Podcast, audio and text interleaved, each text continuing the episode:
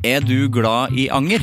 Gjennom Acast sitt supportersystem kan du vise din støtte til meg. Det er selvfølgelig helt opp til deg hvor mye du ønsker å bidra med. Klikk på lenken i podkastbeskrivelsen for å støtte podkasten. Hiring for your small business? If you're not looking for professionals on LinkedIn, you're looking in the wrong place. That's like looking for your car keys in a fish tank. LinkedIn helps you hire professionals you can't find anywhere else, even those who aren't actively searching for a new job but might be open to the perfect role. In a given month, over 70% of LinkedIn users don't even visit other leading job sites. So start looking in the right place. With LinkedIn, you can hire professionals like a professional. Post your free job on linkedin.com slash people today.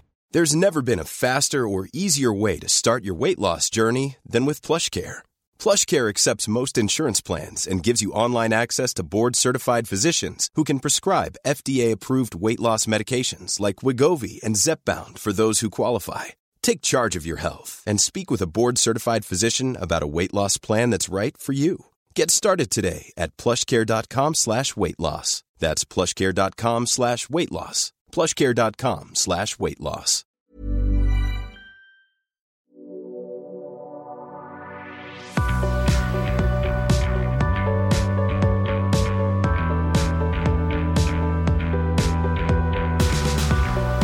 Når man er på restaurant, eh, så forventer man at maten skal være eh, god. Men eh, la oss ta et hypotetisk eksempel. da, At jeg var i en by i Norge. La oss vi kan si at det var Ålesund. Vi kan late som at det var Ålesund, og så kan vi late som at det var den eneste indiske restauranten i Ålesund. For eksempel. Det er bare et eksempel. Eh, på indiske restauranter så er prisene uh, De ganske høye. Nå er La oss late som at jeg er veldig glad i indisk mat og har spist uh, på veldig mange indiske restauranter i mitt liv. La oss late som det. Og at jeg lager La oss òg bare late som at jeg lager ganske god indisk mat. Og at jeg kan en del om det. Forventningene er, er sånn Og så er det flere som har sagt i det her eksempelet at den restauranten her, men de har fått bra det er bra mat du får her. Jeg bestiller en uh, chicken tikka, for at jeg tør ikke å gå for paraderetten butter chicken, for at jeg vet at jeg blir skuffa. Og la oss si at jeg fant bilder av butter chicken på, på Google, og syns ikke den så noe god ut. Jeg er veldig glad i veldig sterkt. Ja da, det er noen som sier 'å, det, du tøffer deg'. Nei, jeg er veldig glad i veldig, veldig sterk mat, for det syns jeg er kjempegodt. Det var ikke en chicken tikka, nei. Jeg bestilte en Det var en miks. En miks av ting. Det var både lam, og det var kylling, og det var scampi. Sånn var det. Det smaker ikke godt nok.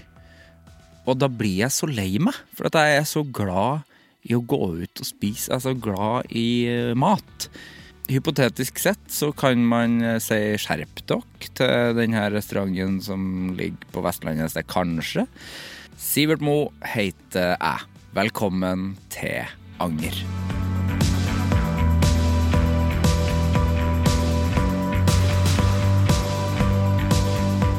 Snorre Monsson er gjest i Anger i dag. Snorre er komiker og skuespiller. Hans forhold til anger er betydelig mindre nå når han har mye å gjøre, for da er det rett og slett ikke tid til å kjenne på de følelsene som han vanligvis kan kjenne mye på.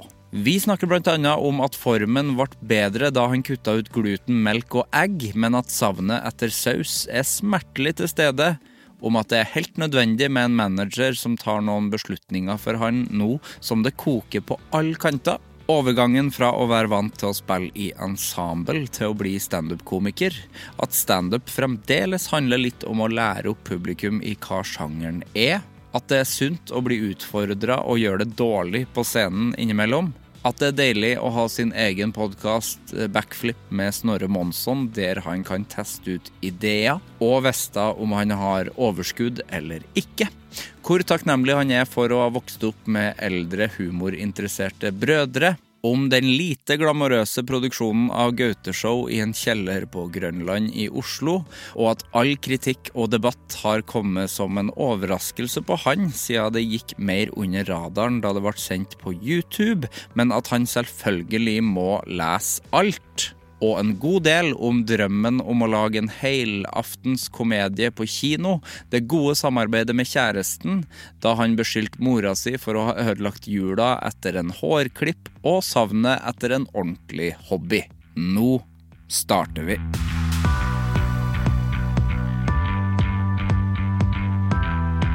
Var kaffen grei? Veldig god. Veldig bra. Du er ikke en melkemann i kaffen? Nei. Jeg glemmer alltid å spørre om det. altså. Jeg eh, Nei, ikke melkemann. Nei. Nei, du tåler ikke melk. Jeg gjør ikke det, vet Du du. gjør ikke det, vet du. Det vet jeg jo. Nei. Ja. Da, hvor, altså, har du gjort research? Ja, eh, ja da. Har du, har du fulgt med på deg en stund? Ja. Ja. Men det er ikke så lenge du ikke har tålt melk? Eller det er ny, i voksen alder? Eh, ja, det var, var liksom et, For ett år siden så kutta jeg ut glutenmelk og egg. Ja. Eh, men jeg, har egentlig, jeg visste det egentlig fra da jeg var barn, så eh, Jeg var vel sikkert ti år, eller noe sånt, så tok vi en sånn matintoleransetest. Ja. Og så fant vi ut at jeg ikke tålte det. Og så spiste jeg eh, ikke de tre tingene til jeg blei sånn 15-16 år. Ja. Og så bare begynte jeg å, å spise det igjen, for at jeg gadd liksom ikke å, å gjøre noe med det. Og da fikk jeg ikke så store konsekvenser egentlig av det heller. Nei.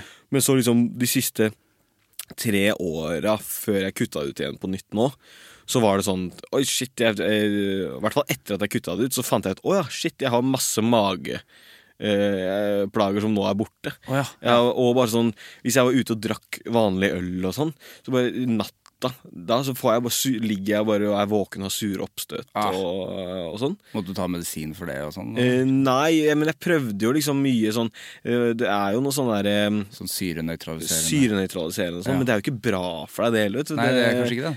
Eh, liksom sånn Uh, Ja, du, du, du, det du gjør når du tar sånne tabletter og sånn Jeg hadde sånn Hva heter det når man har sånn eh, inni Brann? Brann? Ja, inni brystet. Det er liksom et sånn lokk inni brystet som heter noe liksom sånn derre som regulerer eh, eh, syren eh, Ja. opp til halsen og sånn. Som ble litt fucka etter hvert. og- Brystlokk? Ja, det er et lite brystlokk. Har ikke hørt om det? og, nei, så, men etter at jeg kutta det, så bare helt borte med en gang. Det er så deilig. Ja, det er deilig, men det høres jo også kjedelig ut. Ja. Sånn uh, mat-drikkemessig. Ja. Men eh, Og så har du jo denne, denne, eh, denne bølgen av eh, eh, Når man nå begynner å tenke på ultraprosessert mat og sånn, Ja.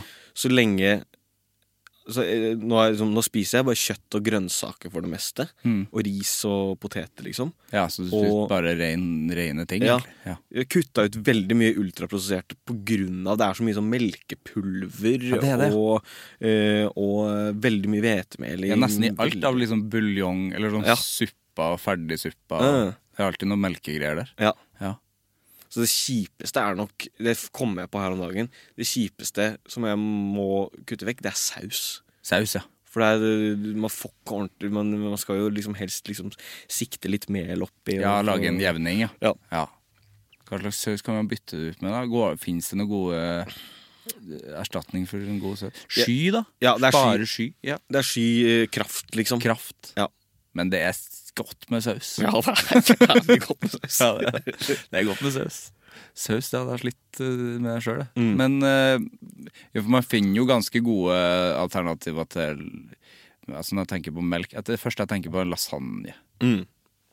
For da er det også gluten. Ja, det er pasta. Ja. Pasta og, og alt. Og det var jo min all time favorite Ja, det eh, middagsmat før. Ja. Eh, som, eh, som dessverre jeg ikke har smakt nå på et år, og jeg savner det veldig. Oi, et år men, eh, men Cultivate Food på uh, Løkka, Ja! der har de en glutenfri og vegansk lasagne. Oi. Og den er veldig god. Og den er god. Ja. Så du fikk smake lasagne eh, for første gang på et år ja, der? ja, Ja, Det er jo fantastisk, da. ja. Men hva har de i, det? Spurte du om det? Uh, nei, men de har, de har vel noe liksom sånn Det er vel noe havre Uh, Havrebechamel, liksom. Havrebørs. Ja. Eh, og eh, sånn Om det er kikertplater De bruker. Ja, det gir mening. Ja. Det her er enten eh, det er, Sånne samtaler som det her, det Ja. deler lytterne i to, føler. Ja. Jeg er den som jeg er på den ja-sida. Jeg elsker matprat. ja. Eh, jeg føler at du også elsker Ja, jeg elsker Vi kunne mat, kunne snakket mat. Og Henrik Flatseth, som jeg Ja. nevnte i stad før vi gikk på lufta. Mm. Også det er mye mat. Man får mye klager på det i sin podkast, som du har en glimrende parodi på eh, for øvrig, når han begynner å snakke om uh, polonaise. okay, jeg, jeg, synes, jeg skjønner ikke Det er folk som ikke er interessert i mat, da, sikkert, som ikke liker det. Ja. Ja. Ja, nei, jeg, eh, jeg elsker å snakke om det. Jeg elsker å høre om det også. Ja. Så jeg har hørt de episodene Flatseth har vært her, og Ja. sånn, og det koser jeg meg med. Ja, det er mye mat. Jeg liker det. Hvordan går det med deg, Snorre? Det går bra. Ja. Det er, eh, det er hektiske dager og uker. Det virker sånn. Eh, mye jobb. Det er så mye muligheter som har åpna seg det siste liksom, eh, halve året nå. Mm. Eh, så, så jeg er litt stressa. Litt småstress hele tida. Ja. Eh, men eh, jeg eh, Det er liksom Det er god stress, da. ja. Det er god stress. Ja. Du blir ikke utslitt ennå. Nei, ikke ennå. Merka det så klart. Alle sånn, Mot jul og sånn, så bare Huff, nå Nå synger det på siste verset her. Ja. Men Men Nei, det er god stress. God stress. Ja. Jeg spurte deg jo for en stund siden om å komme hit, og da synes jeg, ble jeg glad. Fordi at eh, jeg tenkte sånn, må ikke si ja til alt Nei. hele tida. Så da satte du grenser og sa nå, nå er det litt mye. Man fokuserer litt på, Ja. på det som eh, skjer. Ja. Ja, Bra, det. Ja, for jeg merker jo liksom det presset om at For jeg har liksom alltid hatt lyst til å bli komiker og jobbe kreativt. Mm. alt sånn Og så når man først får mulighetene da, så er det vanskelig å si nei. Ja. Eh, men så lærte jeg det. Jeg, lærte det ganske tidlig i høst at eh, her må bare Her må jeg bare være streng med meg selv og, og sånn. Ja. Apropos liksom anger og sånn, det er jo kanskje det jeg angrer på mest. Det er jo at jeg takka ja til ting. ja. Eh, og så bare ah, fuck, jeg veit ikke om jeg har kapasitet eh, eller energi til det nå. Nei, ikke sant. Vi må ikke foregripe angeren, for den må vi snakke om litt senere ja. i programmet. men, eh, men, men eh, tar du eh, alt av ansvar for hva som skjer sjøl, eller har du folk som hjelper deg nå? Nå har jeg manager. Ja, du har manager. Ja. Så de liksom alt, alt av liksom større ting og sånn tar jeg gjennom han. Mm. Eh, og det er veldig deilig, da. Å bare sende, og bare redirect folk. Bare, nei, send mail til her. Lurt òg, da. Altså, man får jo ikke til Alt er jo ikke overkommelig Nei. sjøl.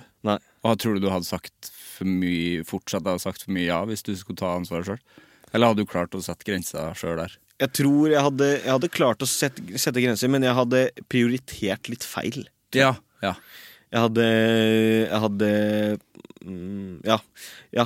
Han hjelper meg veldig med å prioritere de tingene som enten er på en måte økonomisk gunstig, eller på en måte eh, gunstig kreativt, Ja. eh, liksom. Når var det det eh, du merka at oi, nå, ble, nå blir det mye? Det var eh, i høst nå, Ja. fordi for ett år siden så hoppa jeg av studiet. Ja. Eh, gikk på film og TV på Westerdals. Så hoppa jeg av for å satse på standup. Og da jobba jeg først liksom den vårparten. Bare for meg selv og jobba med standup og, eh, og booka meg selv eh, til eh, ting og sånn. Mm. Og er jo egentlig ganske komfortabel med å ta ansvar selv og fikse alt og sende fakturaer og sånn. Ja. Eh, men så kom sommeren, og så fikk vi solgt Gaute-show. Eh, og jeg signerte med VGTV. Mm. Og da hadde jeg liksom de to liksom, eh, bærebjelkene i arbeidshverdagen. Og da merka jeg at alt det andre, det var helt umulig å liksom klare å, Ja. å svare på og, og stå til ansvar for selv. Da. ja. Ja, det skjønner jeg. Eh. Også når det var ikke lov å løpe på hytta. Den, det spilte vi inn i mai, I og så mai kom det i september. Ja. Så, og da kom trøkk. Ja, det, Altså, var, det er egentlig, egentlig vippepunktet, det, da. Altså, alt skjedde jo egentlig på én gang, sånn Ja. sett. Sånn, selv om dere filma det i mai, så kom liksom alt med Gaute-showet og sånn på likt. Ja. Ja. Så vi eh, eh, Ja, Ikke lov å le på hytta kom vel liksom idet vi starta innspilling på eh, Gaute-show. Ja. Og så hadde jeg Så jobba jeg liksom kontinuerlig med ting på VG, og så hadde vi eh, Takk for alt på VG med Yes, Morten. Ramm og Vegard. og så I tillegg så satte jeg opp teater, teaterstykket på Njø. Det gjorde du også, ja. Eh, Jeg blir jo sliten av å høre Jeg blir jo sliten av å høre hvor mye det er. eh, og så standup, da. Et Ja. Par kvelder i uka, liksom. Og podkast. Og podkast. Ja. Ja. Er podkasten litt sånn stille nå, eller er det litt sånn av og på? Ja, det, det er litt av og på. Det, har det er jo på en måte et passion-prosjekt og et overskuddsprosjekt. Ja. Eh, så, eh, og et prosjekt der hvor jeg liksom Jeg kan ikke tvinge fram noen eh, episoder. Selv om jeg har, jo, jeg har gjort det òg, da. Ja. Tvingt fram noen episoder der. Ja. Men ja, jeg har jo så stor kjærligheten til den podkasten som et sånn fristed. Ja. Sånn at jeg merker at eh, det, det er egentlig liksom Det er den jeg bruker for å ta litt tempen på hvordan ting er, og hvor stress arbeids... Eller hverdagen er, da. ja, det er lurt. Eh, at jeg vet at hvis jeg har overskudd til å gjøre den podkasten, da vet jeg at jeg har hodet over vann. Ja. Mens hvis jeg eh, ikke har overskudd til å gjøre den, da vet jeg at ok, nå må jeg liksom eh, stoppe litt opp, se, se på eh, Se på timeplanen min, se hva jeg kan luke ut uh, for at jeg ikke skal havne i liksom uh, the rabbit hole. Det er lurt. at Backflip er som en sånn uh, temperaturmåler, på Ja, en måte. rett og slett. På, på stress. Jeg syns jo den podden er skikkelig morsom, og gratulerer med pris for den. Mm. takk, takk. For du, har ikke holdt på så lenge med den heller? Nei, det er vel ett år nå. Ett år. Ja. Og det ble årets morsomste podkast. Ja. Den er jo Hæ? Og veldig overraskende. Var det, var det overraskende? Jeg syns ikke det var så overraskende. Nei, det er eh, ja, det er bare det, Ja, nei, vi ble Jeg og Ida, da, min kjæreste, som Ja. på en måte Hun er sidekicken min eh, der.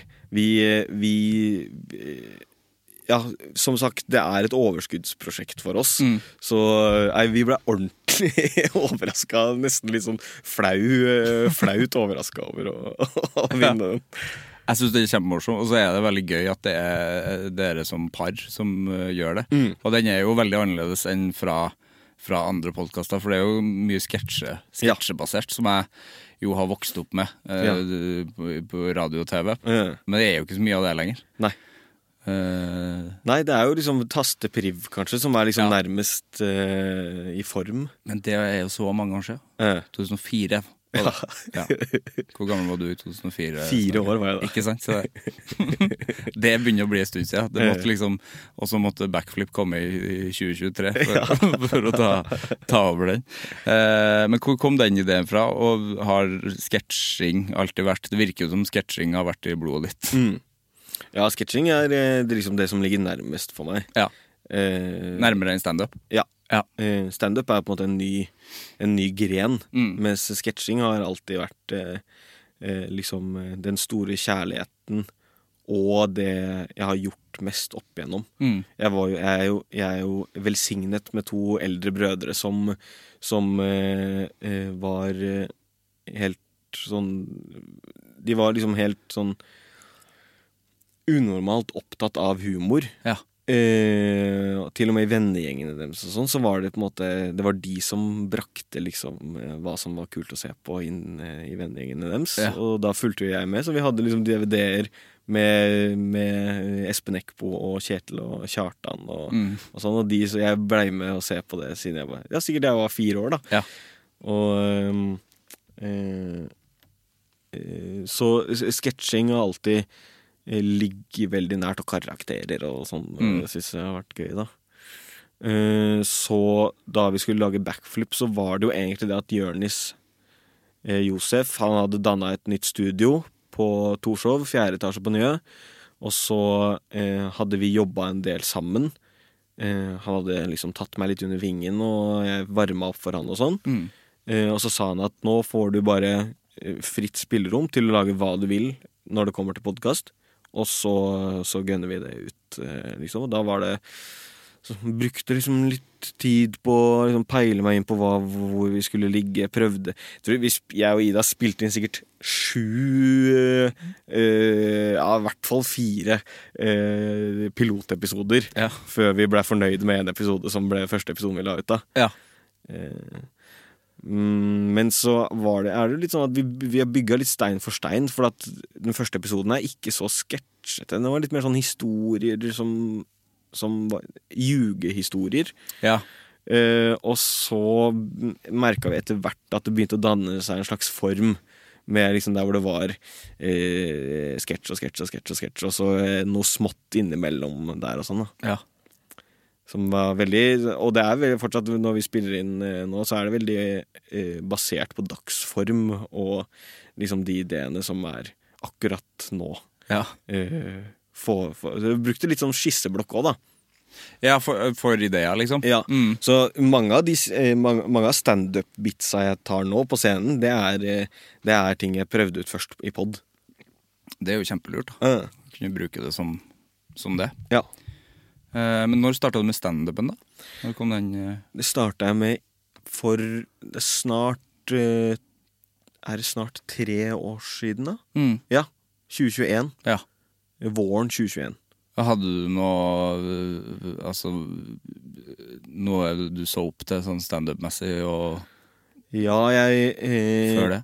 Jeg, det er, jeg tror liksom eh, Fladseth er nok min liksom største sånn I hvert fall i norsk eh, På norsk sokkel. Ja. Eh, liksom eh, forbildet der. Jeg gikk på Jeg, jeg var liksom inne i revymiljøet og sånn på videregående, og så gikk jeg på Romerike folkehøgskole. Ja. Eh, og så satt opp litt revy og sånn etter det. Eh, og egentlig ikke tenkt at standup var noe var en sjanger som jeg skulle inn i. Men så var det eh, korona og sånn, og det, liksom det, noe, det å ikke få utløp for, eh, for eh, humor og, kreativt, eh, og kreativitet, det var liksom en sånn trykkoker. Mm. Så til slutt så liksom måtte jeg gi meg hen til standup for, å, for å på en måte kunne stå på en scene og gjøre noe. Ja. Eh, men det er jo ikke lett heller å komme seg inn på den scenen. Nei. Så det var liksom Jeg var veldig heldig som Da var Marius Torkelsen, Mm. Standup-komiker, som har den Desken Brenner-podkasten nå på NRK, han hadde et konsept som het Nykommerne. Man kunne melde seg på, og så hadde man først en workshop med 20-30 andre eh, som var i startgropa på en måte standup-karrieren. Eh, og så trakk de ut ti stykker som fikk lov til å gjøre fem minutter oh, ja. eh, på Salt, da. Ja. Nede eh, på kaia i Oslo her. Mm. Og første gangen jeg var der, så ble jeg trukket opp. Og så var det bare å gønne på. Hvordan var det første gangen? Det var veldig deilig. Jeg likte det veldig godt. Ja, du gjorde det, ja? Ja, jeg syns det gikk ganske nice òg. Det var eh, eh, Men det er, lenge siden jeg har vært så nervøs som da jeg var da. Men eh, det er liksom noe med at når du, når du har stått på en scene med flere Det liksom det, det som var vanlig for meg, var å stå på scenen og spille teater eller spille sketsjer med andre folk. Men det å stå der aleine og liksom ha helt sånn full kontroll, liksom, det var, var det deilig. var så deilig Ja. følelse. ja. Og lydsjekk, ikke minst. Lydsjekken er gæren. Fem minutter sett, men uh, ja, halvtime lydsjekk. men ja, for det, er det er ofte det jeg hører. Jeg har snakka med mye komikere her. Mm. jeg føler at jeg hører oftest at første gangen var deilig og gikk kjempebra, og så enten andre eller tredje gangen så gikk det dritdårlig. Ja. Ja. Det, det stemmer for Ja. meg også. ja, det gjorde det. Det var, var en grumsete eh, sein torsdagskveld på Linken sportsbar på Torshov. Er det der er det, det Tallak, eh, Ja. der Tallak driver på? Stemmer. Der er det jo, jeg tror liksom eh, eh, snitt eh, ant, Antall uh, publikummere i snitt er vel ni, da. Ja. På en torsdagskveld. Ja. Og så er det alltid liksom fire stykker som er der for å spise og drikke øl og se på fotball. ja, for det går fotball der. Så man, det er på en måte lite oppmerksomhet retta mot den eh, lille firkanta scenen der. Ja. Eh, Da fikk jeg et ordentlig sånn slag i trynet, husker jeg. Ja. Men eh, det er jo de kveldene man setter mest pris på eh, når man har gjort det en liten stund, da. Ja. Det er der man får liksom den riktige, den ekte responsen. Det er ikke kludra til av at det er et stort publikum som, som på en måte kollektivt kan synes noe er gøy eller ikke. Nei, for det er mer ekte, kanskje? Ja. Når man er på de der litt mer skitne Ja. stedene. Tallak snakka jo om at han elska de der Ja. de, de der utfordringene der. Mm. Eh, Jeg syns det hørtes ganske vondt ut, altså. Ja, jeg elsker det ikke, eh, men jeg, jeg, jeg, Du får jo virkelig prøvd deg, da. Ja, det er alltid sånn deilig. Jeg snakka med Galvan Mehidi, Mm. Og vi har litt sånn likt syn på det, for at eh, vi holder jo mest til oppe på Njø scene, scene på Torshov, og der på en måte har vi vårt publikum. Ja. Så folk kommer for å se oss, og, og folk vet hva de på en måte kommer til. Mm. Eh, sånn at vi, vi kan bli litt høye på oss selv hvis vi liksom har hatt fem shows på rad der, da. Ja. Eh, og fått den latteren og sånn eh, som vi, som vi eh, får der oppe. Og så trenger vi liksom en, et sted som Linken eller et annet sted eh, sånn utafor Oslo for eksempel, til å liksom dra oss ned på jorda igjen. Trenger å bli jekka ned litt Ja. eh, der, ja. Ja. ja. Og det er, det er eh, deilig Det er veldig deilig når man Og da, for da, da, da, da sitter man igjen med Å ja, shit, jeg må jo Ja, stemmer, jeg må jo jobbe ordentlig for det. ja. Eh, jeg kan ikke bare sveve på en liksom eh, På mitt eget publikum. Nei, sånn er, det jo, sånn er det jo i musikk også. Du, hvis du har en veldig bra kveld på John D, for eksempel i Ja. Hvor det er fullt hus, og man spiller med mange andre band, Mm. så er det noe med det å reise til Moss uh, uka etter, og så er det bare 15 stykker i salen. Eh, Du må fortsatt bare jobbe, Ja. men det kommer ikke gratis. Nei, ikke. Sånne ting. Eh. Men hva, er det, hva kommer det av at eh, det går så bra første gangen, og så går det ikke bra de andre gangene? Er det fordi at man fordi at man tok med seg at det gikk så bra første gangen, ja. og så tenker jeg at ja, ja, men nå, nå får jeg det jo til uansett. Selv, for høy selvtillit. Ja, jeg tror man, man, man blir så fokusert når man blir såpass nervøs da, Ja. første gangen. Og så får man veldig mye goodwill fra publikum når konferansieren sier liksom Ta vel imot første gang som står på standup, vær sin greie med den personen, liksom. Ja. Eh, så går man opp, og hvis man da liksom er har et litt særpreg, så syns jo publikum det er veldig gøy. Mm. Eh, ja, så tar man det litt med seg, ja. Og bare ja, Forrige gang gikk det greit. Nå skal jeg Og det jeg, jeg tror en klassisk nybegynnerfelle også er jo det å prøve nye ting med en gang. Ja. Uh, man skal jo helst i starten, liksom. Det er jo en sånn uh, tradisjon om at man skal liksom Man skal lage fem minutter først, og så skal man gjøre den femminutteren helt til man liksom har perfeksjonert den. Mm. Mens man får kanskje litt høy selvtillit av å klare det bra første gangen. At eh, neste gang så kan jeg, kan jeg liksom implementere noen nye vitser og ja, så blir man jo fort lei, ser jeg for meg. Ja.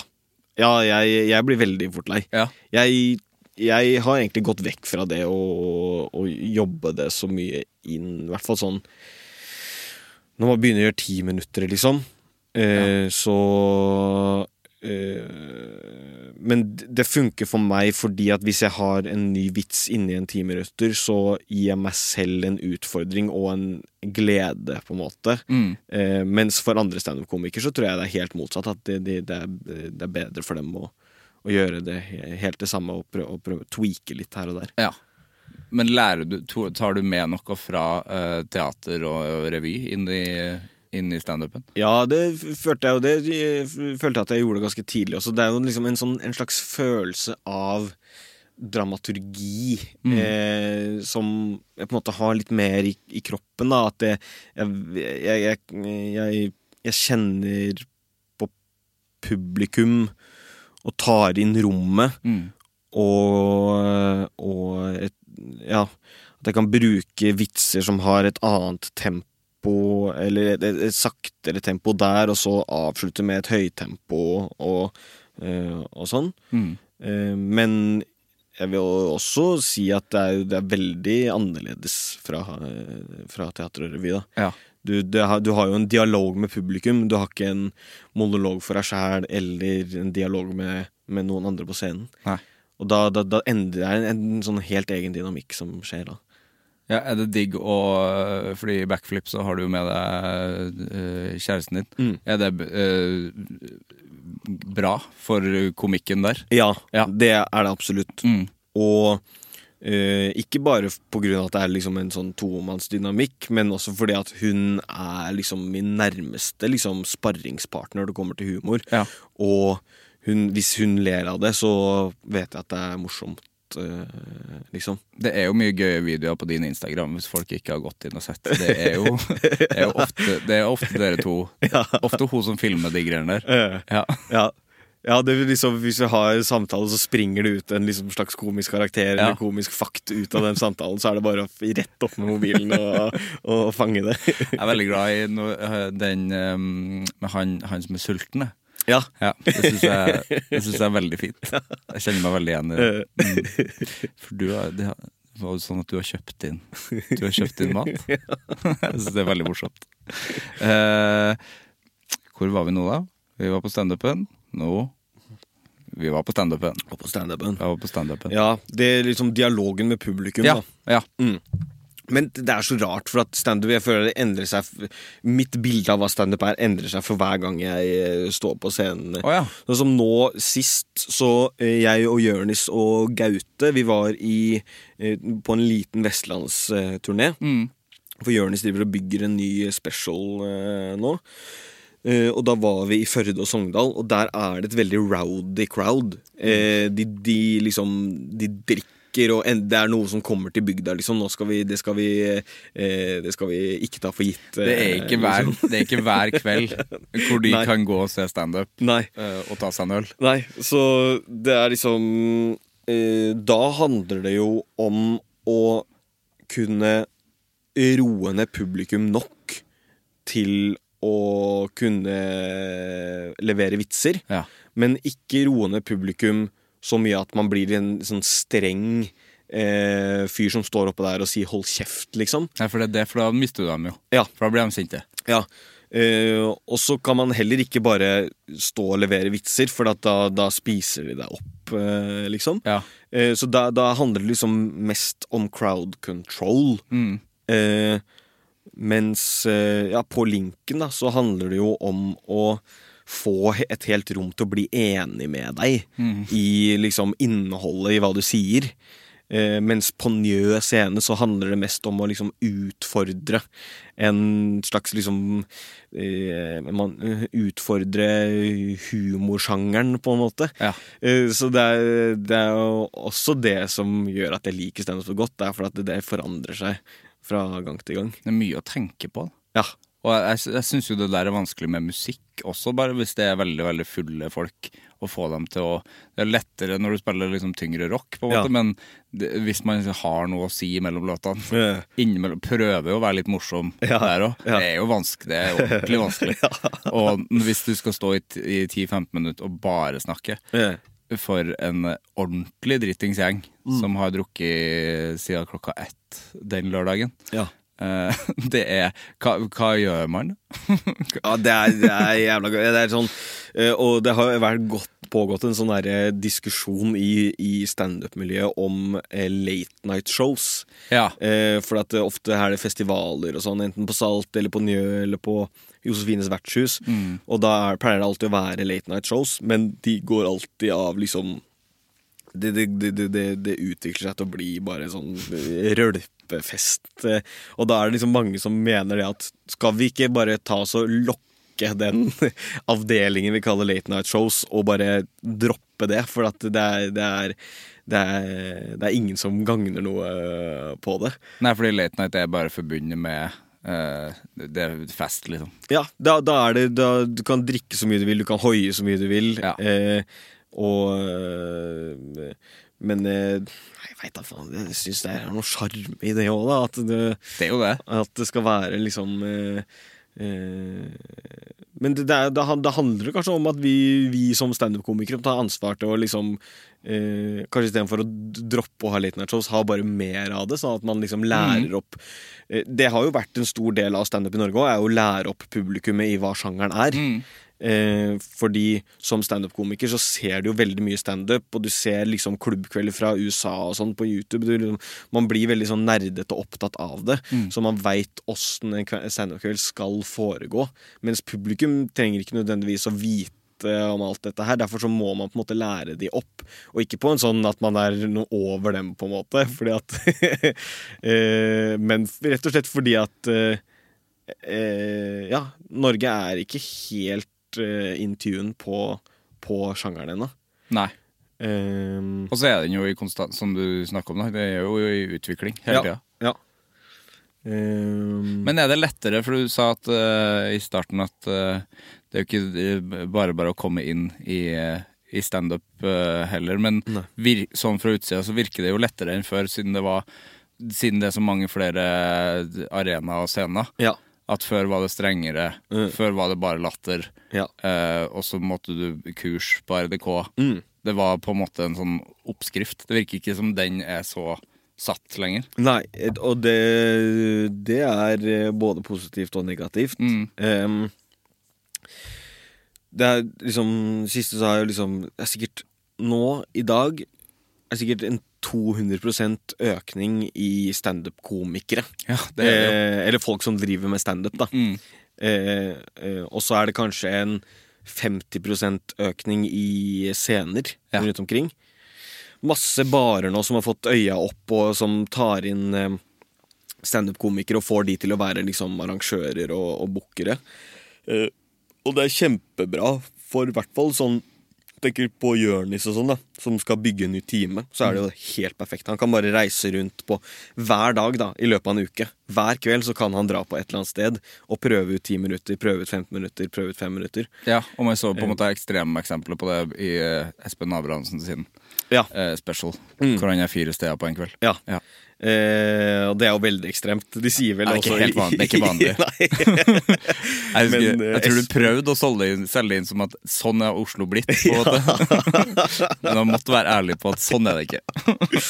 Men jeg tror Espen og Espen Adamsen er kanskje en av de mest liksom, standhaftige og Mm. mest aktive komikerne. Og jeg, han har i hvert fall liksom Jeg tror han har stått tre ganger på en kveld, eh, Helt sikkert, ja. han. Ehm, og, og det resulterer jo i at han blir en av de mest uh, pålitelige komikerne, da. Mm. Uh, han, han, jeg vet at hvis jeg booker han til et show, så har jeg en komiker som leverer uansett hva. Ja. Uh, så, og det er veldig bra. Eh, ja, for det er jo ikke alltid man vet nei, med alle, når det er så mange. nei, og i hvert fall når det er liksom Når det øker i så mange som prøver det ut nå, Ja. i, en, i en utprøvningsfase. Så plutselig så er jeg på en kveld og ser de gjøre det kjempebra, og så er jeg sånn Hei, det her er bra, jeg booker de til showet mitt, og så eh, Og så gjør de det kanskje ikke så bra, så merker man OK, da Da, da, da eh, Ja, det Da det er litt fint, det òg. jeg liker det. Jeg liker Ja, å se komikere som gjør det øh, dårlig. Ja, det, er jo det, det hører jeg jo fra komikere hele tida, at det er Ja. det morsomste som fins. Uh. Det. Bombing. Ja. Og øh, ja. Og det hører jo med, det. Uh. Jeg driver jeg, jeg har jo sammen med Galvan Mehidi og Marta Leivstad, så har jeg Hangover på nye scene. Mm. Så det er liksom det som jeg holder i, da. av Som Jonis hadde før. Stemmer. Ja. Så han eh, rakte oss eh, stafettpinnen. Mm. Eh, så nå deler vi på det liksom eh, hver tredje gang cirka, da. Ja. Eh, og det er jo en kveld der hvor vi Og da booker du hvis, når det er du som har kvelden. Ja. Ja. Da tar jeg ansvar for alle som skal stå. Ja. Eh, og, det, og den kvelden der er jo liksom Jonis sa det til oss at vi, det der eh, With great power comes great responsibility. Så disse, disse kveldene her, det, det skal ikke være Det skal helst ikke være folk som er dårlige, på en måte. Her skal, eh, her, skal, her skal det være en garanti for publikum at de kommer hit og ser veldig bra standup. Mm. Um, um, men man må jo gi sjanser òg. så Ja, for hvis ikke så blir det jo bare samme gjengen. ja. Det, det er jo ikke så, det er ikke så stort miljø heller. på Nei. men eh, vi har hatt det veldig gøy de kveldene. Hangover er, går jo som en farsott nå. Vi selger jo ut to uker i forveien og sånn. Det er helt vilt. Eh, eh, så eh, nei, vi koser oss veldig med, med det, og Mm. håper at vi kan drive med det lenge, lenge. Ja, det er veldig gøy. År. Anbefaler det til deg som hører på, hvis du ikke har vært på Hangover. Mm. Um, hva har jeg tenkt på i stad? Jo, har du drevet med impro? Em, bare sånn eh, eh, Ikke så mye foran publikum. Jeg drev veldig mye med impro på dramalinja Ja. og, og folkehøgskolen og sånn. Så har jeg vært med, vært liksom vikar på et par improshows. Ja, du har det? Eh, Jeg ser for meg at det, kunne, det er noe du kunne gjort. ja, jeg koser meg veldig med det. Mm. Eh, og så eh, Og de gangene jeg har vært vikar, så har jeg bare kost meg ordentlig og, eh, og sånn. Eh, men jeg, jeg liksom det, det, det som er så Det med impro, er at det er, det er så vemodig. Vemodig? Det er så vemodig å skulle si ha det bra til alle de ideene man kom opp med Ja, på, sånn, ja. på on the spot der. Og hvis det gikk skikkelig bra en kveld, da, så er det bare sånn Ja, men det går det kan, jeg, kan aldri, jeg kan aldri gjøre det igjen. Det sant. Men kanskje man kan det, eller kanskje du kan det hvis du husker å ta det med i, i poden? Ja, Det ja. går jo an. Det er absolutt Jeg har aldri tenkt på før at det er noe trist med impro. Kanskje det er den tristeste sjangeren vi har. Ja, men jeg har jo sett veldig mye Jeg har også sett utrolig mye Det er jo det som er gøy med impro, at man ser utrolig mye dårlig, men også sånn helt utrolig mye bra. Som er helt umulig å gjenfortelle, Ja. og man får aldri sett det igjen. Nei. Så det er jeg jo helt enig i, at det er jo ganske trist. Du har jo den, eh, det andre teatret i Oslo som er bare sånn Der har du garanti, liksom. Der er det god 100%. impro. Hver, og de holder på hver uke, flere dager i uka. Det er fort gjort å liksom, i hvert fall for meg, å glemme at den er Når vi er på Njø der, og vi har jo skapt et lite sånn boble på Njø Ja, ja. der oppe, da. Ja. Eh, at de, de, eh, de uh, ja, faen, jeg har lyst til å egentlig dra mer ned dit og se. eh, Ja, det, det er jeg snakker om veldig ofte i den podkasten der. Og det, Ja. Det ser jo ut som det går kjempebra, og folk er der mye. Ja. For der er det Man ser ikke mye dårlig impro der, altså. Nei. Der er det et svært ensemble som er dyktige. Ja. Og det er jo Det går jo litt eh, Altså, impro før så var jo det kanskje sett på som én ting, men nå går det jo litt over i forskjellige Altså de som er der, er jo i andre ting også. Det er jo standup-komikere der også. Ja. Uh, ja.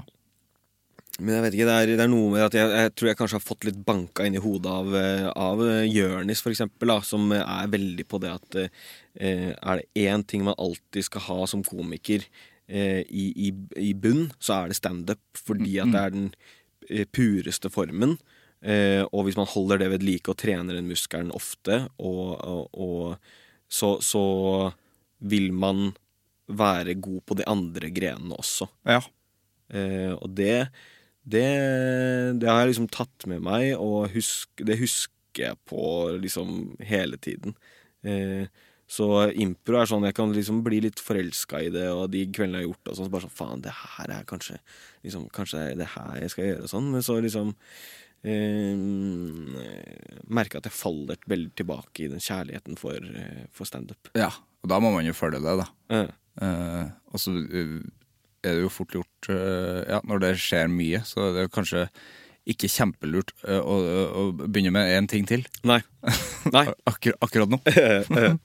Hva gjør du ellers, egentlig? Altså, har, du tid, har du tid til noe, har du noen hobby?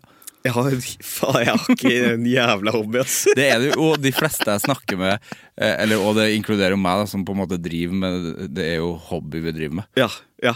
Det er jo det. Lars er jo så trist om dagen. Lars Berrum er jo kjempetrist, for han prøver å lete etter hobby. Men det er jo ingenting Som han sier, at han må tvinge seg til å få en hobby. Ja. Ja, Det er ikke sånn en hobby skal være. Nei. Uh, nei, det er Det er uh, Jeg tar meg litt sånn selv i det noen ganger og bare Shit, nå er de der. Det er sånn som Gaute, for eksempel. Da. Ja, Han, golf, golfer. han golfer. Ja. Han elsker det. Han har liksom det Og da, da blir jeg litt sjalu at han har liksom den derre Han har liksom en uh, sidechick, på en måte, til humoren. Ja, nesten hovedchick. Ja. det er mye golfing der. Fordi der skal vi, skal vi jobbe med show eh, den dagen. Nei, da skal jeg ut og golfe Ja. uh, i åtte timer. Ja, for det er så lenge Å, òg. helvete! Det Ja, ja. ja, arbeidslag. Du, du elsker jo det. Ja. Um, så Og nå, i den perioden hvor det er såpass hektisk eh, nå for meg, så er det sånn Så nå har jeg ikke tid til det.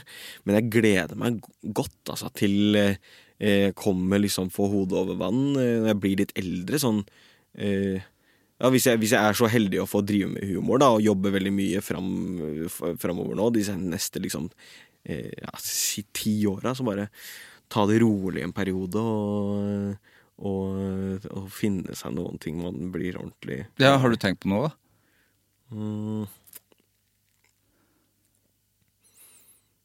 Ja, det er mat, kanskje. da Ja. Mat og, og trening.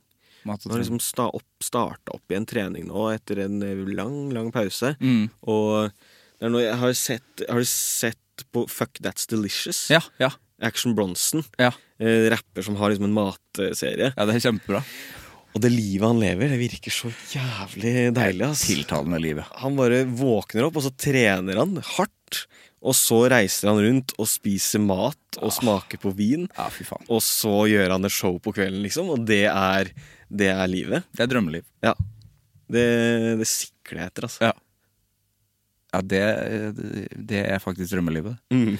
Jeg jobba eh, Jeg ble 30 i fjor. Mm. Så fikk jeg i gave av en kompis eh, en dag eh, som å for å jobbe på indisk restaurant Ja.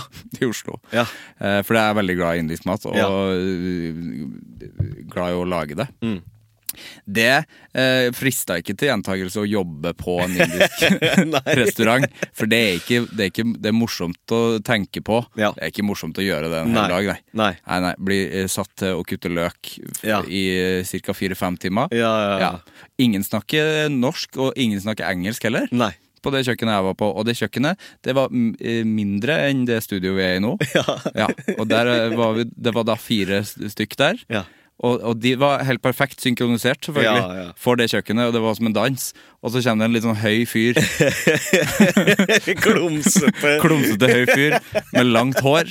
Uh, må sette opp det i sånn nett og snakke norsk, og de snakker jo sammen. Og det er bare sånn, de, han, pe, eh, han ene bare ja, peka på løk. Mm. Kutt løk.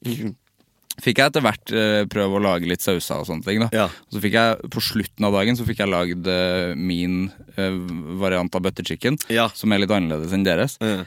Den syntes de var god. Ja. Ja, Og da Shit. var det på en måte verdt det. Ja. Men jeg hadde ikke lyst til å Jeg, jeg tenkte sånn da jeg gikk hjem derfra, Mm. så var jo min det var, skal, Nå skal jeg aldri hit igjen. Ja. Så tenkte jeg de skal gjøre det der i morgen òg. Ja. ja. Det, er, du, det er et yrke, liksom. Det er jobb, det. Ja, det er jobb. Ja. Fordi jeg tror matglede Det er jo så fort ting blir eh, en jobb, Mm. så er det kanskje ikke så morsomt lenger. Nei. Hvis man er, ikke er så heldig å elske det Ja, ja. 100 mm. Men du elsker ikke å kutte løk i, Nei. I fire-fem timer. I, med svetten renner, og det er uh, mas, og det Ja. går i et helvetes tempo. Ja, for det er ikke, altså Matlaging elsker jo jeg, hvor man kan ta rolig tempo. Mm. Drikke et glass vin. Ja, ja. Høre på musikk eller podkast. Ikke, ikke lage masse mat Nei. takeaway. Nei. Nei, det er jo ikke, det er ikke en hobby, det. Nei, Jeg merker det selv, jeg har sånn Hello Fresh nå, og så bare står det 40 minutter på den uh, oppskriften. Det her tar 40 minutter, så da ler jeg godt av det.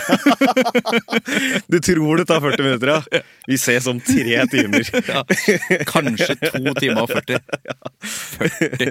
Jeg får bli stressa av sånne ting. Jeg, har jo noen sånne kokebøker som er sånn Jamie Oliver, sånn der 15 minute meals Ja. og 30 minute meals og sånn.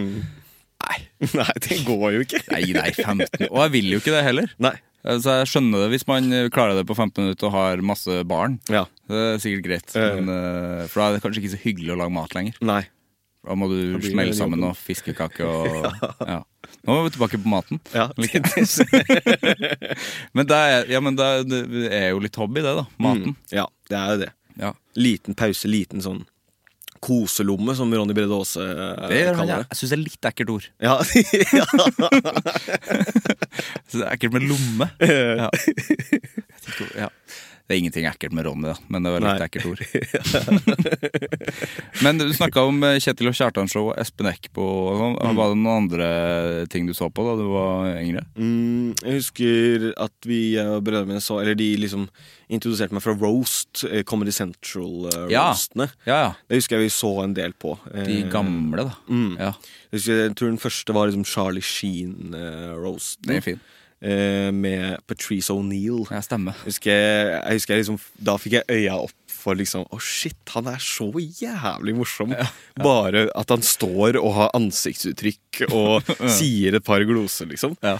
Um, ja, og det, den kom Jeg husker ikke helt Det kom den her 2008 eller noe sånt, Sikkert. eh, rundt der. Og jeg, jeg så den vel da og skjønte ikke helt hva de sa, liksom. Nei. Men brødrene mine lo så jævlig godt av det, og da skjønte jeg at å ja, det fins liksom en type humor som er så grov, eller så liksom eh, forbi den, liksom, den, vanlige humoren. Eh, og det liksom fascinerte meg skikkelig, eh, husker jeg. Ja. Jeg en av de morsomste roastene der syns jeg fortsatt er den James Franco-roasten. Ja, ja. For de er så altså de er så sleine, hele gjengen. Det er, det er det verste av det verste med Jonah Hill og Seth Rogan. Og det er gjeng. og James Franco cancelled han. Ja, han er vel borte, Borte. nå, kanskje. Synd det, da. Går, men det som er fint med de, alle de som liksom har jobba innenfor sånn film og store Hollywood og sånn, når de blir cancelled, så bare går de over til kunst. Det er riktig. Ja, han rota, Det var vel derfor han ble litt cancelled, for han rota seg vel bort til kunstfilm, og så ble det noe, var det noe greier der. Ja. Ja. Det var noen dickpics og, Og og sånn eh, på gang der. Det var vel noen yngre damer og Ja, tror jeg, inni miksen. Ja, det var gris. var det griseri der. Er Jonah Hill òg cancelled? Jeg føler, de, Ja, for det var noe greier med kjæresten hans der. ja, Ja. det var noe sånt, ja. At han hadde vært litt, eh, litt vel frampå. Uh, Men så var det flere som sa at hun også hadde vært det. Ja. Så det er sånn der, det der vanskelig å følge med på. ja, det er en runddans, ass. Ja. Æsj. Jeg er ganske fan av Jonah Hill. Jeg syns han er en søting. Ja, ja, de, ja, de eh, liksom Jeg husker det også da fikk øynene opp for liksom humorfilmer. Og jeg tror liksom 90 minutter hu komedie Ja. Det er fremdeles liksom eh, min go to liksom sånn eh, eh, Hva heter det sånn comfort eh, Ja. watch. Ja, ja. Um, og Superbad og sånne ting. ja, jeg liksom fant ut av eh, Jonah Hill og bare søkte på navnet hans og bare så alle filmene Ja. i katalogen hans. Eh, The Sitter. Ja, The sitter er kjempegøy. Åh, den, den. Ja, han, alt, ja, alt han har vært med i, er bra ting. Ja, det er det. Til og med de, Han ble jo seriøs en periode og var med i Moneyball. Og sånn. Det er bra, det òg, men det er noe annet, da. Men ja, sånn The Sitter og Get Him to the Greek og de greiene der. Og 21 og 22 Jump Åh. Street. Eh, De, de er gode. Mm. Channing Tatum er god der. ja. Det er, Jeg liksom forbinder det ordentlig med bare sånn å bare kose seg skikkelig på en Ja. lørdagskveld og eh, Og bare det fin, det At man ser på det, og så tenker man Ja, det finnes en Det finnes eh, perfekt liksom spill, humoristisk spill. Det gjør det. det fin det, de har liksom klart å perfeksjonere Mm. den scenen der, for eksempel. Da. Den ene scenen der er, er bare sånn Ja, det er gull. Jeg syns jo det er så synd at det ikke Altså, film er så Altså, når det lages norske filmer, så er det jo det er, det er gammeldags å si, på en måte, men det stemmer jo. Altså, de, det er mye andre verdenskrig-filmer. Mm, ja. Men bare sånn lette komedier, mm. lite av. ja. Og det hadde vært gøy. Ja. Altså Enig. Bård og Harald og Espen Eckbo og Get Ready to be Boys Voice. Ja, ja, ja. Lag mer film. Kong. Kong Curling. Ja. Det var jo en periode, liksom. Hvor man jo lagde film. ja, det er jo eh, liksom det, det tar jo knekken på folk å lage film, sikkert. Ja. Altså, Det er sikkert ikke noe gøy. Nei. Det tar for lang tid. Og, og at det, finnes ikke Det er ikke penger i det i det hele Nei. tatt, liksom. Man får Og ikke folk er sikkert ikke interessert i å se det. Nei. Nok folk. Nei, det er liksom Husker det, det eh, Og Ja, det er liksom denne TV TV-fiseringen som kanskje liksom var første Første tingen som ødela litt humorfilm. At alt skulle på TV, alt skulle bli serier. Og så Mm. kommer nå kommer sånne sosiale medier og ødelegger det enda Ja. mer. Så nå er det enda lengre vei Ja. til å kunne lage det. Men der, der, der har jeg en drøm altså, om å ende opp med å kunne lage en 90 minutter Film, ja. eh, eh, komediefilm. Bare reinspikka kødd. Det syns jeg du skal gjøre. Hva, det, men, hva var planen med film- og TV-utdanninga? Eh, nei, jeg sa vel til meg selv at jeg hadde lyst til å bli liksom, regissør og jobbe litt bak kamera og sånn. Ja. Eh, eh, men liksom, i ettertid nå Det er lett å være etterpåklok, men eh, jeg liksom sa vel det fordi at jeg syntes det var litt skummelt å skulle prøve å, å, å, å hoppe ut i å, å være utøvende. Ja. Ehm, eh, men så eh, Og jeg likte egentlig det godt, eh, film og TV, og det var jævla mange fine medstudenter der og, og sånn. Men så tok standup litt eh, over Mm. eh, hverdagen og sånn. ja, men lag en film, da, om noen år. Ja. Ja, det er målet, altså. det- er mitt håreste mål. Håreste, ja. Håreste mål. Uh, vi må snakke litt om Gaute Show også før vi skal over på angeren. Mm. Uh, for det første, gratulerer med at det er NRK, da. Ja, takk. Var det, var det overraskende? Ja, det var det. Eh, det Og liksom, i hvert fall i den runden liksom, før det blei kjøpt opp, så var det jo litt flere Flere kandidater eh, på ballen der og ville, ha, ville ha det. Mm. Um, og i hvert fall Jeg tenker tilbake til da vi lagde det på YouTube.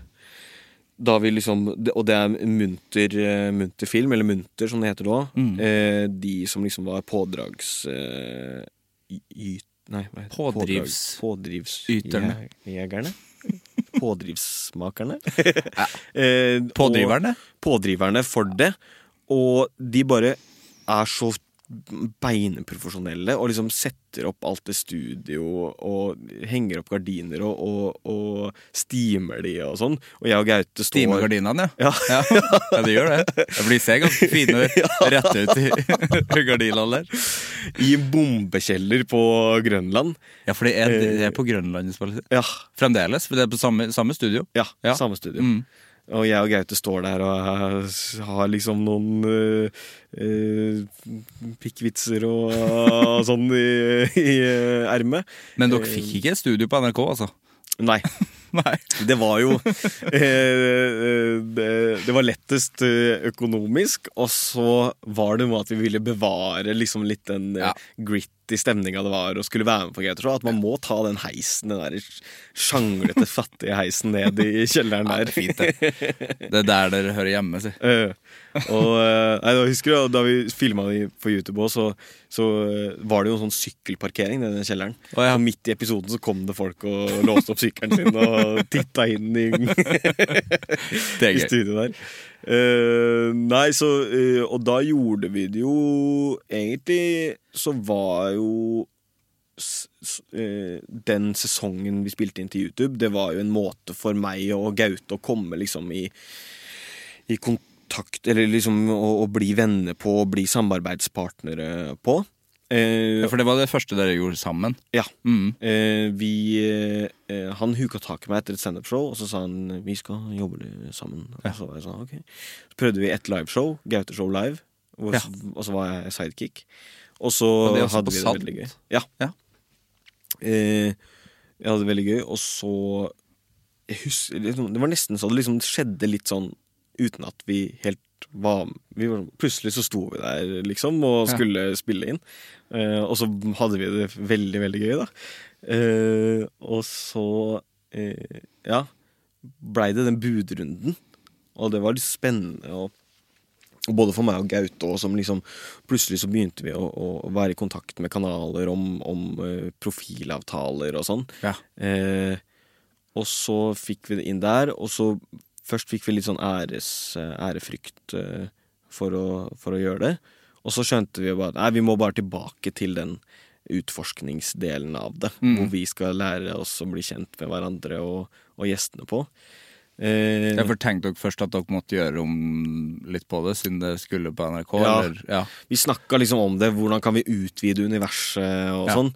Um, men så blei vi kjapt enige om at nei, nei, vi skal bare tilbake til eh, det, det vi har gjort til nå. Mm. Men ikke gjøre om på humoren. Dere snakka ikke om det? Eh, Siden, nei. siden dere skulle på riks, Rikskringkastingen, liksom? Nei, det var jo veldig mange For det er jo basert på en sånn drøy humor, på en måte. Ja, ja. Eh, og da husker jeg at det var veldig mange som håpet at det ikke skulle bli sensurert og alt sånn. Men Mm. jeg og Gaute liksom skjønte eh, Det var et eller annet med det at vi liksom vet at vi kommer uansett til å gjøre det på vår måte, så Mm. Eh, Så vi var aldri så redde for det, egentlig. Ehm, og så fikk vi jo litt mer hjelp til å lage sesongen. Ja, plutselig fikk vi en produksjonsassistent, og det var god stemning, og sminkedame og Mm. kostymelager på NRK som vi Ja, men jeg hørte at dere ikke fikk lov til å være der så lenge. Nei, vi, det var ganske strengt eh, regime der nede, ass. Ja. Jeg og Gaute gikk jo ned der første gangen vi skulle finne kostyme til første episode, og så var vi sånn Nå skal vi bare være her og kødde, liksom. Det var Det er hel- hellige gral av kostymelager, da. Det er drømmen å være, være der lenge. Ja, og så kom vi inn der, så bare eh, Har dere en avtale? Ja. Hæ? Nei, vi skal finne noen kostymer og sånn. Ja. da må dere sende mail først, øh, og så oh, ja, ja. får dere et kvarter, liksom. Hvor dere, og, og gjerne send oss hva dere er ute etter også, så vi bare kan lede dere rett Mm. til, øh, til de kostymene. Eh, For det er ikke bare å gå og kle på seg Max Mekker og, og, og på? det er på. noen ting der som er hell, virkelig hellig. Ja, ja. Sånn eh, de Brødrene Dal-hjelmene. De er der, og eh, frakk, liksom. frakken til Fleksnes er der. Frakken til Fleksnes, Ja. ja. Det, Den så, burde du hatt, ass. I en episode der. Og hatten. Herregud. Eh, men så blei vi mer og mer venner med hun ene som jobba der nede. Da. Så vi fikk, plutselig så fikk vi mer og mer tid og kunne kødde enda mer. Ja.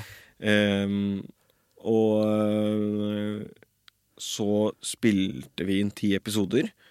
Og så har vi egentlig sittet i klippen Eller hovedsakelig Munter-gutta har sittet i klippen fra november da, til nå. Yes, Og ja. vi jobber fortsatt Vi, vi sender hele tida eh, nye versjoner som vi ja, så ser dere er ikke ferdig? Det jobbes Ikke det hele. Vi er vel halvveis Ja, ikke sant? i, eh, med å klippe episoder. Shit. Fordi hvor mye opp... Det er jo ikke veldig lange episoder. Nei. Eh, hvor mye opptak er det i snitt per, per Vi episode? spiller inn ca. 1 time og 20 minutter. Ah, det er mye som skal ned Ja. og bort. Eh, Ja. Så vi Og så har vi liksom forstått at vi må gjøre det sånn fordi at jeg og Gaute har total eh, frihet når vi spiller det inn. Ja. Eh, og vi improviserer jo på en måte Vi har et manus, men vi går veldig fort vekk fra det. Eh, ja, og det er vanskelig å ha, tids, å ha noe tid på Ja, det. ja. Eh, så, så da sitter vi der på en måte med en time og 20 minutter, og så er det 70% av det som er ubrukelig. og så er det øh, Og så er det 30% som vi er sånn Dette her oss, Her er det en liten løype vi må liksom carve ut. Ja. Var du forberedt på at det skulle bli så mye debatt rundt det som det har blitt? Nei, Nei. det var jeg ikke. Jeg trodde det skulle gå litt mer sånn eh, under radaren. Jeg trodde også det. Ja. Ja. Eh, For det, på en måte, det føltes ut som det var det som Det var det det føltes ut som på YouTube. Mm. Selv om vi fikk mange views, så gikk det under radaren og, og sånn. Men man kommer seg ikke unna det når det er på krinkeren. Tydeligvis ikke. Eh, så vi, jeg og Gaute er i hvert fall eh, litt overraska. Jeg tror NRK eh, var litt eh, mer forberedt på det. Ja. Eh, men så, så er det jo greit. Eh, Vi og Gaute har bare liksom blitt enige sammen om at vi ikke skal del, stille opp i noe form for offentlig diskusjon eller debatt. Nei. Noen har ha blitt eh, invitert. Ja. Ja. Eh, men vi blei enige om det, på en måte så da, da holder vi oss unna det. Men vi er jo veldig glad i å lese og høre om det som snakkes Ja. om, da. Også kult når Charlo Halvorsen går ut og forsvarer da. ja. Det, er jo en, det må jo være en drøm. Ja. At Charlo forsvarer ar arbeidet ditt. Og kaller det for intelligent humor. Hans, det sa han. Og første uka på Papaya, jeg regner med du fikk med deg det også. Ja. Kjempegøy. Ja. Hvor de har gått helt full Nå noe alt-lov. Så du kan jo røske opp i noe greier. ja.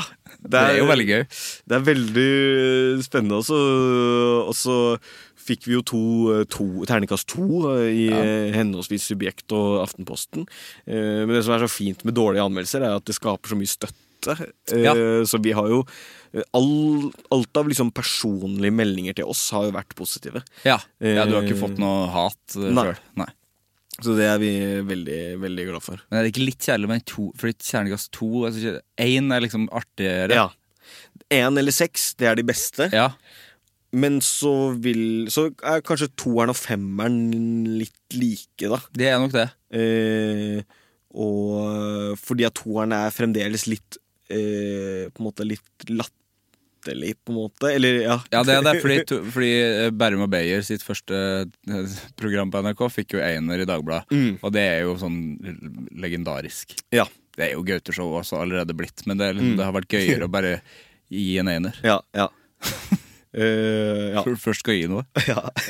Men så har det skapt all den blesten og sånn. Det gjør jo at vi får ganske gode seertall. da. Ja, ikke sant? Ehm, så eh, vi, eh, vi Og det er så deilig nå at vi har liksom Nå kommer jo episode fire ut i dag.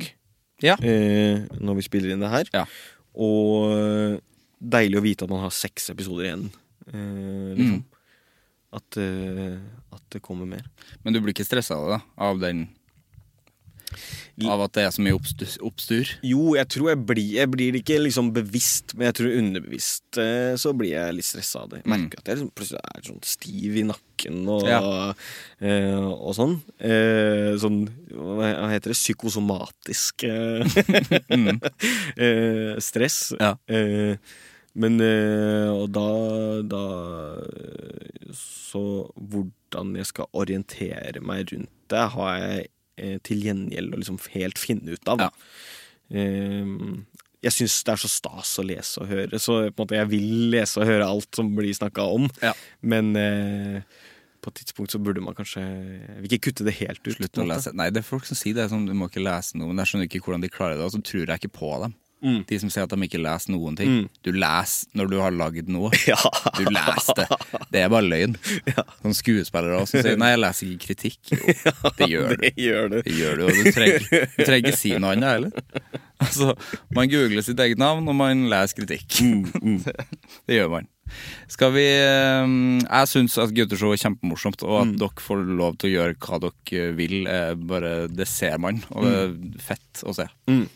Så trenger man ikke å Man trenger ikke å bli så sur på, på noe som er humor. Nei. Jeg skjønner ikke det. Skal vi snakke litt om eh, angring? ja. I'm Sandra, and I'm just the professional your small business was looking for. But you didn't hire me because you didn't use LinkedIn jobs. LinkedIn has professionals you can't find anywhere else, including those who aren't actively looking for a new job but might be open to the perfect role, like me. In a given month, over 70% of LinkedIn users don't visit other leading job sites. So if you're not looking on LinkedIn, you'll miss out on great candidates like Sandra. Start hiring professionals like a professional. Post your free job on linkedin.com/people today. When you're ready to pop the question, the last thing you want to do is second guess the ring. At Bluenile.com, you can design a one of a kind ring with the ease and convenience of shopping online. Choose your diamond and setting. When you find the one, you'll get it delivered right to your door. Go to Bluenile.com and use promo code LISTEN to get $50 off your purchase of $500 or more. That's code LISTEN at Bluenile.com for $50 off your purchase. Bluenile.com code LISTEN. Snorre, Mm. hva er forholdet ditt til anger? Ehm, jeg eh, tror at For nå er jeg i en sånn eh, livsfase. jeg tror liksom det er vel eh, eh, ganske sånn eh, eh, en kjent ting at liksom mellom 20 og 25 så går man gjennom liksom noen forandringer, sånn personlighetsmessig og sånn. Så fram til nå har jeg vært liksom angra mye. Vært Jeg skal liksom få bare en eh, Jeg har kjent meg igjen Jeg liker veldig godt å lese Dag Solstad-romaner.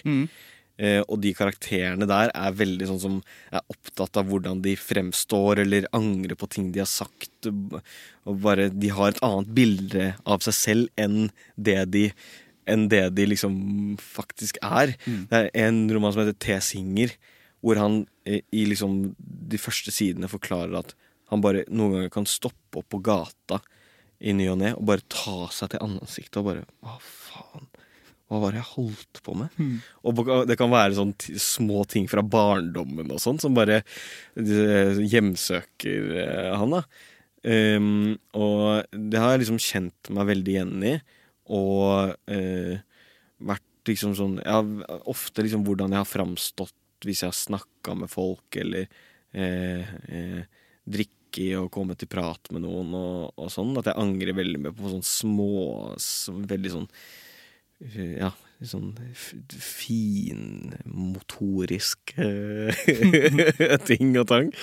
Uh, uh, og spesielt sånn i det, da jeg starta med standup og liksom eh, så opp til ja, veldig mange av de komikerne som var på Njø, og sånn, sånn Lars og Fladseth og, og alle de her, og at alle, de, liksom, de første møtene med alle de forbinder jeg veldig med at jeg angrer dagen etter på hva jeg sa og hva jeg gjorde. på en måte Eh, At det kunne liksom At det bare Det reiv i meg eh, veldig mye. Eh, eh, Men så har jeg liksom nå Når det skjer veldig mye i hverdagen, og sånn, så har jeg føler at jeg er i en sånn endring nå hvor jeg eh, møter såpass mange mennesker i løpet av en dag, og i løpet av en uke og i løpet av en måned, at jeg har liksom ikke helt tid til å angre så mye. Jeg må bare stå i ting jeg har eh, sagt, eller stå i ting jeg har gjort, eh, liksom. Eh, så jeg føler at på en måte så liksom har det hjulpet meg å liksom løfte en liten vekt av, av skuldrene mine da, når det kommer til å tenke tilbake på ting jeg sa og gjorde og sånn. Mm. Ehm, eh, ja. Så jeg blir, jeg blir en mindre og mindre angrende person. Jo mer du har å gjøre, jo mindre angrer du. Ja. Ja. Det jo egentlig ganske behagelig, det, da, men man må passe på den balansen. For du kan jo, hvis man har for mye å gjøre igjen, så kan du krasje Ja. andre veien. Ja. Ja, jeg har, jeg har liksom det, det eh, Fra da jeg var liten og sånn, så har jeg liksom fått høre veldig mye av voksne mennesker at jeg har tatt for mye plass. At det, på en måte, det var min liksom eh, Min uh, byrde i livet da jeg var ung, på en måte. At jeg, nå, nå tar Snorre for mye plass igjen, liksom. Nå må okay. du roe deg ned, og, uh, og sånn. Um, som gjorde at liksom i ungdomsåra sånn, så lærte jeg meg å regulere meg mye mer. da eh, Og liksom på videregående og sånn at jeg, at jeg fikk en sånn selvregulerende eh, ting. Um, men at jeg nå begynner å slippe litt opp igjen på den. da Mm. eh, Og prøve å finne liksom den, den versjonen av meg selv som tar plass og bare eh, Og har, har retten til det, på en måte. Ja, det, skal, det er jo ikke negativt å ta plass. Jeg føler at, det, jeg føler at hvis man får høre det i ung alder, så kan det liksom Det kan jo skade. Mm. For det er sånn Ta plass, ja, men det skal man jo. Ja. Liksom. Ja, det er eh, eh, Og jeg husker liksom fortsatt uh, den første meldingen jeg fikk med hjem av uh, lærer, det var 'Snorre var klovn i klassen'. Oh, ja. Og da holdt jeg på å tegne meg i trynet eller et eller annet. eh, og sånn.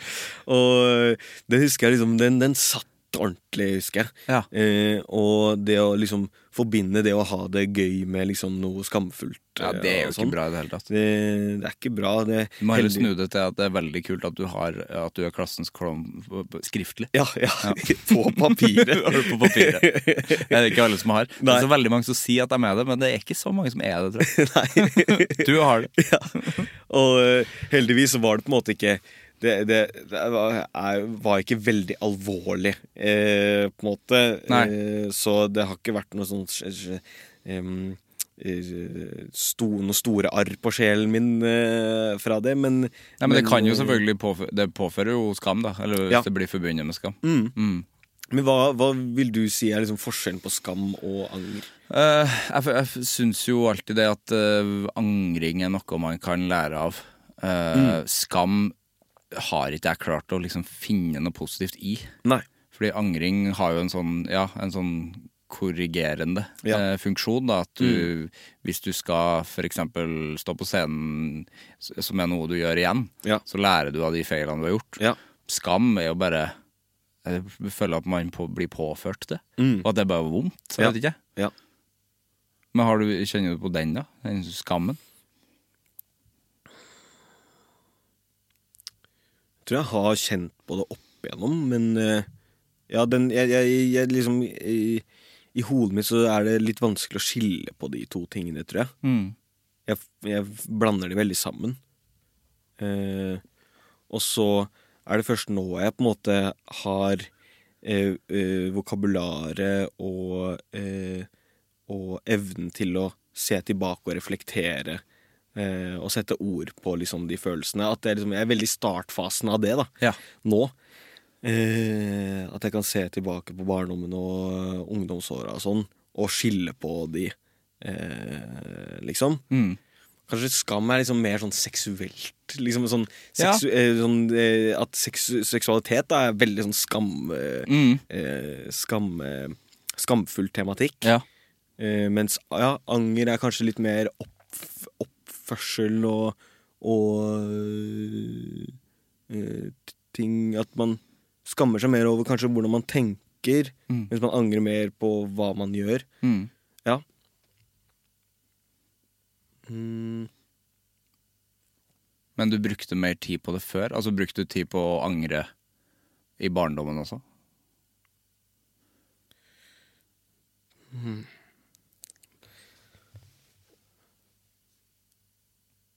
Ja Jeg hadde veldig Jeg ble veldig Jeg angra veldig jeg, jeg var veldig samvittighetsfull som Ja. barn. Eh, og så hadde jeg veldig problemer med å uttrykke følelser Jeg hadde utfordringer med å uttrykke følelser, så jeg ble veldig sint og veldig utagerende sint. Ja. Aldri sånn voldelig eller noe sånt, bare veldig sånn, eh, sånn Stå og dirre og skrike og gråte i timevis, oh, ja. eh, på en måte. Ja. Og eh, i, i, i slutt eller Når man er ferdig med den, liksom det å føle det sinnet og sånn, så hadde jeg liksom en liten eh, så, så fikk jeg liksom en sånn eh, følelse av dårlig samvittighet eh, for at jeg var, var sint og sånn. da Så Mm. kanskje jeg liksom skamma meg eller angra på at jeg var så sint. Ja. Altså, spesielt en, en uh, hendelse som jeg liksom har prata på podkasten min, er en som er ganske komisk. da uh, At mamma skulle klippe håret mitt før en Eh, og så klipp Og så liksom turte jeg ikke helt å si hvordan Jeg ville ha håret mitt som eh, Fred i iCarly. Ja. Beskri beskriv sveisen hans. Han har en veldig sånn eh, eh, Veldig standard sveis. Ja. Eh, veldig eh, Ja, eh, sånn som man ser på legofigurer, liksom. Det er liksom eh, luggen til én side eh, og ganske forholdsvis kort hår. Ja. Liksom, en, eh, ikke en skalla militærklipp, men en, liksom en militærklipp der man fortsatt har en del av håret. Ja. Og så klipp klippa mamma meg for kort, da, mente jeg. Så jeg, jeg, jeg, jeg, bare eh, hadde en ordentlig Hva heter det? Through a fit, eller liksom sånn tantrum. Ja. Eh, hvor jeg bare sikkert i fire timer hyleskreik og gråt og sånn. Og bare 'Du har ødelagt jula!' Ja, for jeg har hørt den historien. For den setninga der er det god. Du har ødelagt jula. og, uh, og det er litt fascinerende da, at jeg sikkert var åtte eller ni år da, og at jeg, uh, i, liksom, i kjølvannet av den, uh, av den, eh, av den grininga, så følte jeg bare sånn enorm anger og, og, og dårlig samvittighet overfor mamma, for jeg vet jo at det å si det til en mor, det å si at du har ødelagt jula, det er helt forferdelig, liksom. Ja, ja, ja. Du, kan, du kan egentlig bare ta livet av henne. Det er det verste. Og ja, så da, da, da, da, gjorde jeg veld, veldig opptatt av å liksom gjøre opp for meg og si unnskyld og sånn. De gangene jeg har liksom blitt full og kanskje krangla med noen eller, eller oppført meg litt drittsekkete, uten at det har vært egentlig noe, eh, noe veldig alvorlig heller, så har jeg vært veldig på det å sende melding dagen etter og bare Du, fuck, sorry, ass. Jeg blei utdrikningslaget til broren min. Eh, Da hadde jeg akkurat blitt 18 år. Jeg fikk være med liksom eh, de og, og eh, og drikke og sånn, og vennene deres og sånn. Og så måtte jeg tidligere hjem enn de andre. Og da husker jeg at jeg, eh, jeg var 18 år, og jeg blei så ordentlig sur at jeg blei sånn barnslig. At jeg skulle bli kjørt hjem av, eh, av eh, fetteren min. Og at jeg bare Jeg sa feil. Jeg sa at han skulle kjøre andre veier og sånn. Oh, ja. Eh, For jeg var bare så eitrende forbanna, liksom, for at jeg måtte hjem tidligere. Ja. Eh, og da husker jeg kom hjem, og så liksom Da bare fikk jeg en ordentlig noen trist og bare Samvittigheten kom og tok meg så hardt da jeg kom hjem da. Så det går, det, den kommer og tar deg veldig fort. Du blir veldig, veldig sint eller lei deg, og Ja. så kommer den og tar deg nesten med en gang. Ja. Ja. Eh, og da, da, da, da, sier jeg unnskyld, så, men etter at jeg har sagt unnskyld, da, så føler jeg at det er, den er, da er den over. Ja, da, er du Da kan jeg opp. gå videre. Fordi noe som er fint altså for meg som driver med podkast og anger, Mm. er at i Backflip så har du jo også eh, eh, spalte som heter Noe uoppgjort. Ja. Og det var jo der du snakka om den jule, julesonen. For da ringte du ringte jo mora di. Ja. Ja, hvordan, hvordan gikk det? Hus, Huska hun det? Eh, ja, det, den eh, sitter, den, altså. Ja, den gjør det. Eh, så eh, jeg, jeg trengte egentlig bare å nevne et par stikkord. Ja, jula 2008. og da, Så den er, ikke, den er ikke langt bak i bevisstheten hennes. um, så ja, den spalten er jo eh, har jeg jo brukt som en sånn, sånn den samvittighetsfulle uh, versjonen av meg som Ja, tar ansvar. Den er kjempefin, egentlig. ja. Ja, for da fikk du sagt unnskyld. Uh, Ja. Og um, ja, den den er liksom Den spalten er liksom den delen av meg. Ja. Ja. Ja, det er lurt. Det er lurt. Men det er, jo, det er jo en veldig god følelse når man får ry- rydda opp i sånt. mm. I samvittighet. Og samvittighet og anger og skam og alle de der. Jeg føler at alle de følelsene der bor i samme, Mm. samme drivhus. Jeg ser alltid for meg at det er drivhus hvor sånne følelser vokser. Ja. Ja. Mm. Hvor angeren, ja, angeren og skammen og samvittighet. ja.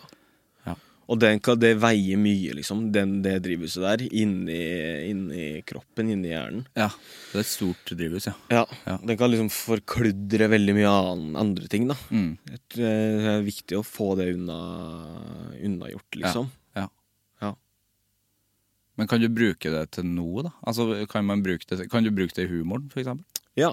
Det, eh, det vil jeg absolutt si. Og jeg merker det veldig sånn eh, eh, det, det mest konkrete eksempelet er nok hvis jeg er konferansier Mm.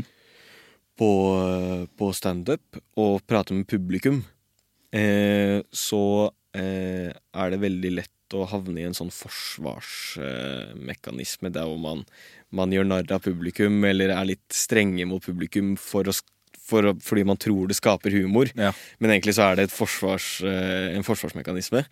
Eh, og det å da liksom være litt streng med eller liksom slem med noen publikummere, og så sette på en komiker, og så komme opp på scenen igjen og si sånn Du, jeg tenkte litt på det i stad. Ja. Ja. Det er veldig morsomt. Ja, Folk er kjenner morsomt. seg igjen da i den, i den følelsen, tror jeg. Det, det er sånn øh, Ja, det det er noe liksom sånn fint, sårbart, menneskelig Ja, det hadde jeg blitt glad av å se, for det har jeg ikke sett så mye konferansierer gjøre. Si litt sånn Nei, det var ikke så jævla gøy, det. ja. Det er veldig menneskelig, ja. ja. Eh, så det ligger da humor i det. Det har jeg ikke liksom tenkt på før, men det er jo, noe, det er jo en veldig eh, veldig fin eh, et, et, En fin egenskap. Ja. Eh, eh, på en måte. Ja, og da noe uoppgjort-spalta er jo også Det er jo både morsomt og litt Det er fint, det også. Eh, Det er fint å rydde opp. og så er det deilig å gjøre det på den, på den måten jeg gjør det på uoppgjort, fordi jeg gjør det med en sånn bitte liten sånn eh, eh, Et ironisk marsipanlokk, på en måte. Absolutt. Eh, men innholdet i kaka er på en måte ekte. Ja. ja. Marsipanlokket er lagd av plastelina, men kaka er ekte. det er veldig fint, det. Du, nå har vi snakka lenge, Snorre. Eh, Um, det har vært jævla trivelig. jo, i like måte, syns jeg. Jeg har et siste spørsmål. Ja. Hvem syns du jeg skal snakke med i Anger? Um, jeg syns at du skal snakke med um, Med Ja, nei, jeg, jeg, tar det som ligger fremst. Det er Gaute. Ja. Ja. Bra forslag. Jeg spiller mye golf. Ja. vi, jeg, Jeg tror han er en lite angrende type. Ja, det tror jeg òg, men det har vært gøy å dukke, dykka nedi den eh, hjernen der. Mm. Mm. Tusen takk for praten. Takk for praten.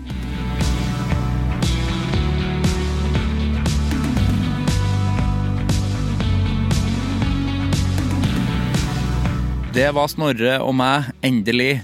Tenk å få hanka han inn når alt står på som verst, eller som best. Står på som best, vil jeg si. Uh, utrolig morsom uh, type. Uh, veldig dyktig. Og altså, har du ikke sett Gauteshow, så se på Gauteshow, da. Herregud, det er jo Det må man jo. Og, mm, men den varmeste anbefalinga mi er nok backflip med Snorre Monsson. Der er det sketsjing og fjasing og øh, litt annerledes tanker. Litt annerledes humortanker enn det som øh, det er mye av. Så sjekk ut den. Vi høres. Hei. Produsert av Klinge.